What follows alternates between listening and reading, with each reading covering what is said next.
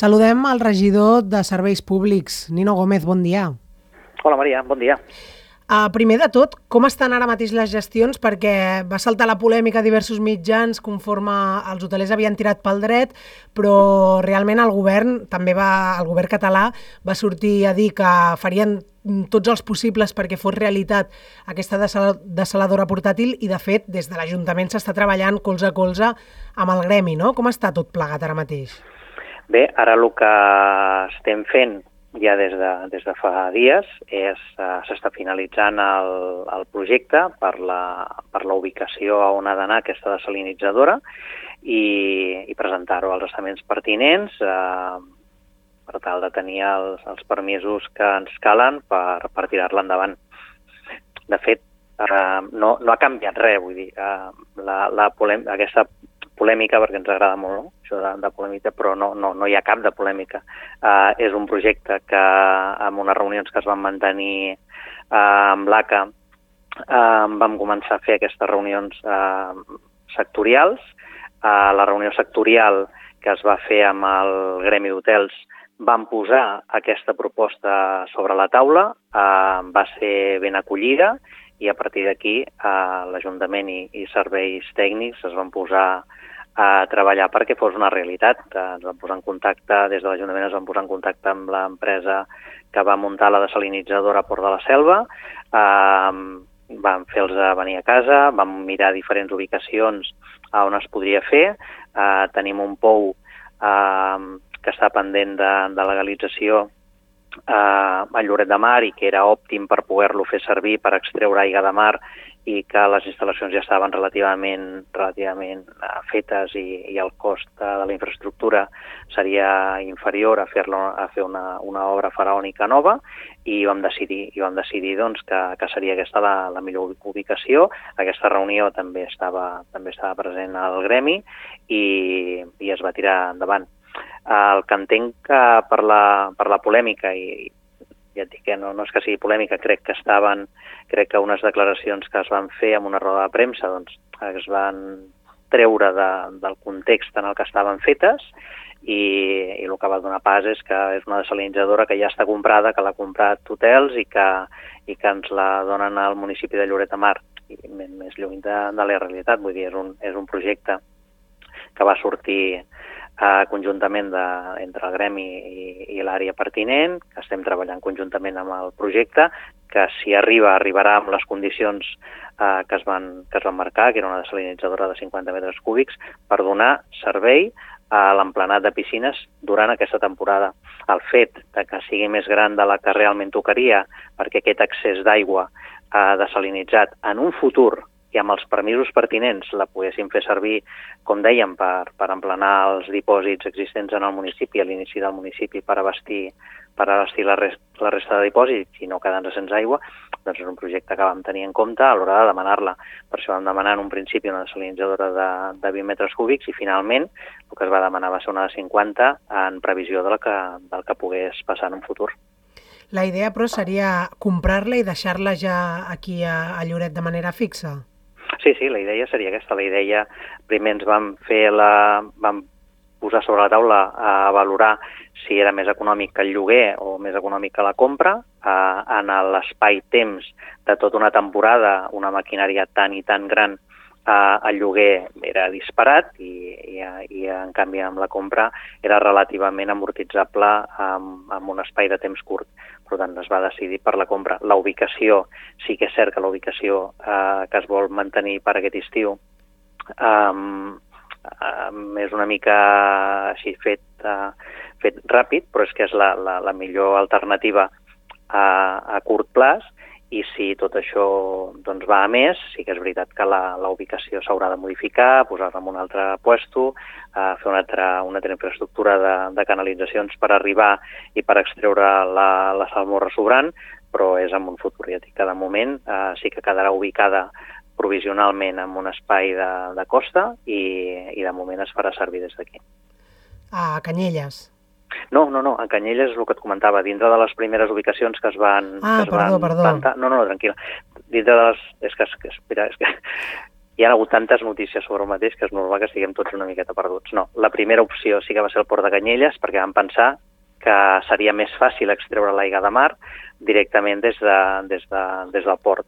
Llavors, el que ens van comentar des de l'empresa instal·ladora és que, si bé era molt fàcil extreure, eh, l'inconvenient que tenia és que eh, tenia moltes partícules d'oli eh, i era molt bruta l'aigua que hi ha en els ports esportius i que això el que caldria, a part de fer la desalinització, seria un, una, una extrafiltració que encaria moltíssim el preu i que aquesta brutícia, aquestes partícules que, que hi havia en el, en el mar, en el port, el que feien és que feien molt malbé a, a la pròpia desalinitzadora i no recomanaven que fos directament de mar, que el que recomanaven era fer un pou de mar i que tota aquesta sorra que hi ha entre el mar i el pou fa de filtre natural i que l'aigua arriba amb, amb unes condicions òptimes per poder fer la desalinització completa.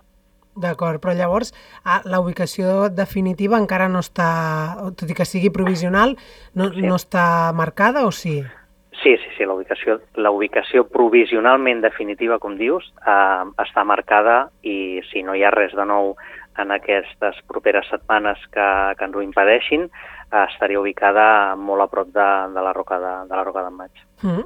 Doncs de moment la idea és aquesta. També eh, el tema, per deixar-ho clar, que no és només per omplir les piscines dels hotels, sinó que també eh, els hotels mateixos, eh, ens ho explicava Enric Dotres, ells eh, van apostar des d'un inici si podien fer una inversió una mica més elevada, però poder també afavorir la ciutadania i des de l'Ajuntament s'ha comunicat que els veïns particulars que vulguin omplir les seves piscines amb aigua de mar, si fan sí. Els canvis que hagin de fer en els seus, a les seves instal·lacions, també podran sol·licitar aigua. Sí.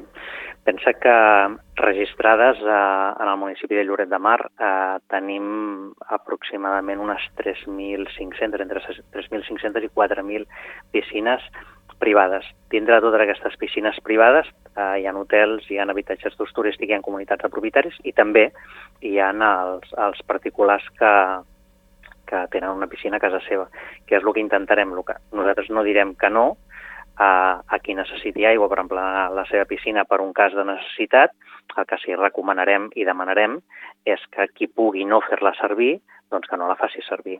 Ara bé, qui no la pugui fer servir, que no la faci servir.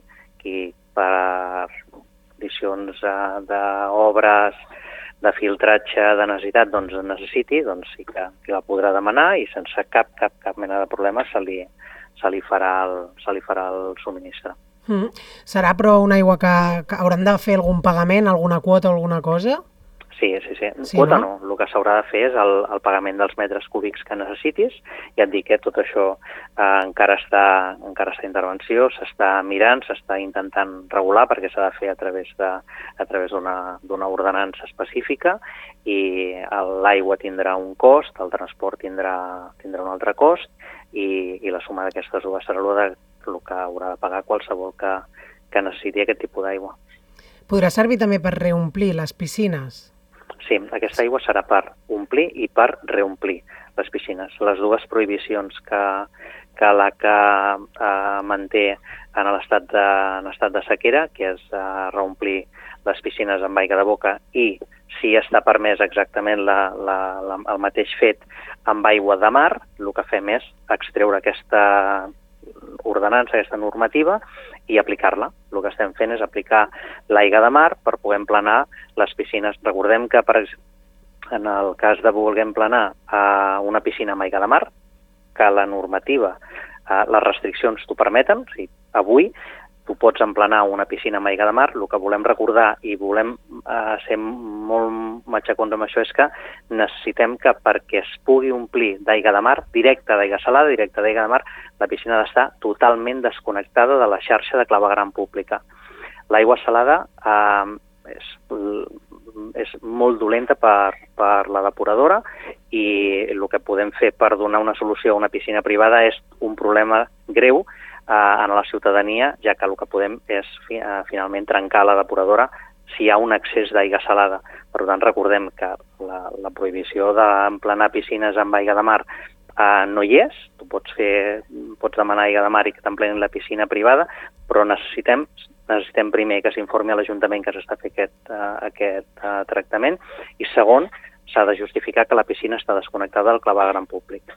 Doncs queda clar qui estigui interessat que contacti amb l'Ajuntament i regidor, una altra cosa que volíem comentar és que també, de fet l'altre dia ho vam comentar per sobre en una entrevista, però mm, volíem explicar-ho perquè eh, sabem que hi ha gent que no n'estava al cas i que han demanat doncs, detalls de com funciona això, és que l'Ajuntament ofereix la possibilitat de fer ús d'aigua regenerada als veïns del municipi també per ús particular. Sí, t'explico. Abans de, de l'entrada en fase 1 d'emergència, de, eh, això era una, era una realitat. Qualsevol, qualsevol veí podia agafar aigua regenerada única i exclusivament per al rec d'arbrat eh, de supervivència, només per, per arbrat. No es poden regar ni, ni, ni gespes, ni flors, ni plantes, només per arbrat. En fase 1, aquesta restricció no quedava clara si l'aigua regenerada que el municipi podia donar es podia fer servir per això. Nosaltres entenem, nosaltres entenem que sí i és amb la línia amb la que estem treballant. Llavors, eh, el que dèiem la setmana passada és que qualsevol persona que necessités aigua regenerada, el cost de l'aigua regenerada, la compra és gratuïta, només s'ha de fer el pagament del transport, que aquest transport eh, s'ha de fer amb qualsevol empresa que s'hi dediqui, eh, ha d'enviar una sol·licitud a l'Ajuntament, aquesta sol·licitud queda registrada, a part d'aquesta sol·licitud a l'Ajuntament s'ha de fer la sol·licitud al Consorci d'Aigües, que és el que abasteix l'aigua regenerada, i des del Consorci eh, l'únic que es fa és un registre dels metres cúbics d'aigua regenerada que s'emporta al ciutadà que ho necessiti, i amb això, amb, aquestes dues, amb aquests dos petits tràmits, eh, es pot agafar aigua regenerada només, ja dic, per rec d'arbrat de supervivència. D'acord, és a dir, no qualsevol veí en particular podria demanar-ho per un jardí petit de casa, sinó per uh, si hi ha arbres que, que si no reguen moririen. Exacte. El que no podem és agafar aigua regenerada, o el que no ens permet a eh, la Generalitat amb les restriccions de, de l'àmbit de sequera és que puguis agafar aigua regenerada doncs, per regar un jardí o perquè tinguis un tram, un espai petit d'un jardí privat eh, petitó i vulguis regar-lo. No, l'aigua regenerada no està per això. L'aigua regenerada avui està per regar eh, aquell arbre que per supervivència del propi arbrat eh, necessiti aigua. Mm. I els horts urbans eh, entrarien dins d'aquest... Uh, no. Possib... no. No, no, no es no. poden regar, eh, els horts urbans, no ara mateix? Regar, no, els horts urbans no es poden regar, no, no es poden fer... No es poden fer bueno, no es poden regar, t'anava a dir no es pot fer ús, però no, no, al contrari, pots fer ús, però el que no pots fer és, és, és regar. No, no, els horts urbans tampoc es poden regar. Doncs, eh, regidor de Serveis Públics, Nino Gómez, moltes gràcies per detallar totes aquestes qüestions referents a la sequera i moltíssimes gràcies, com sempre, molt bon dia. Al contrari, vosaltres qualsevol cosa, aquí estem. Res.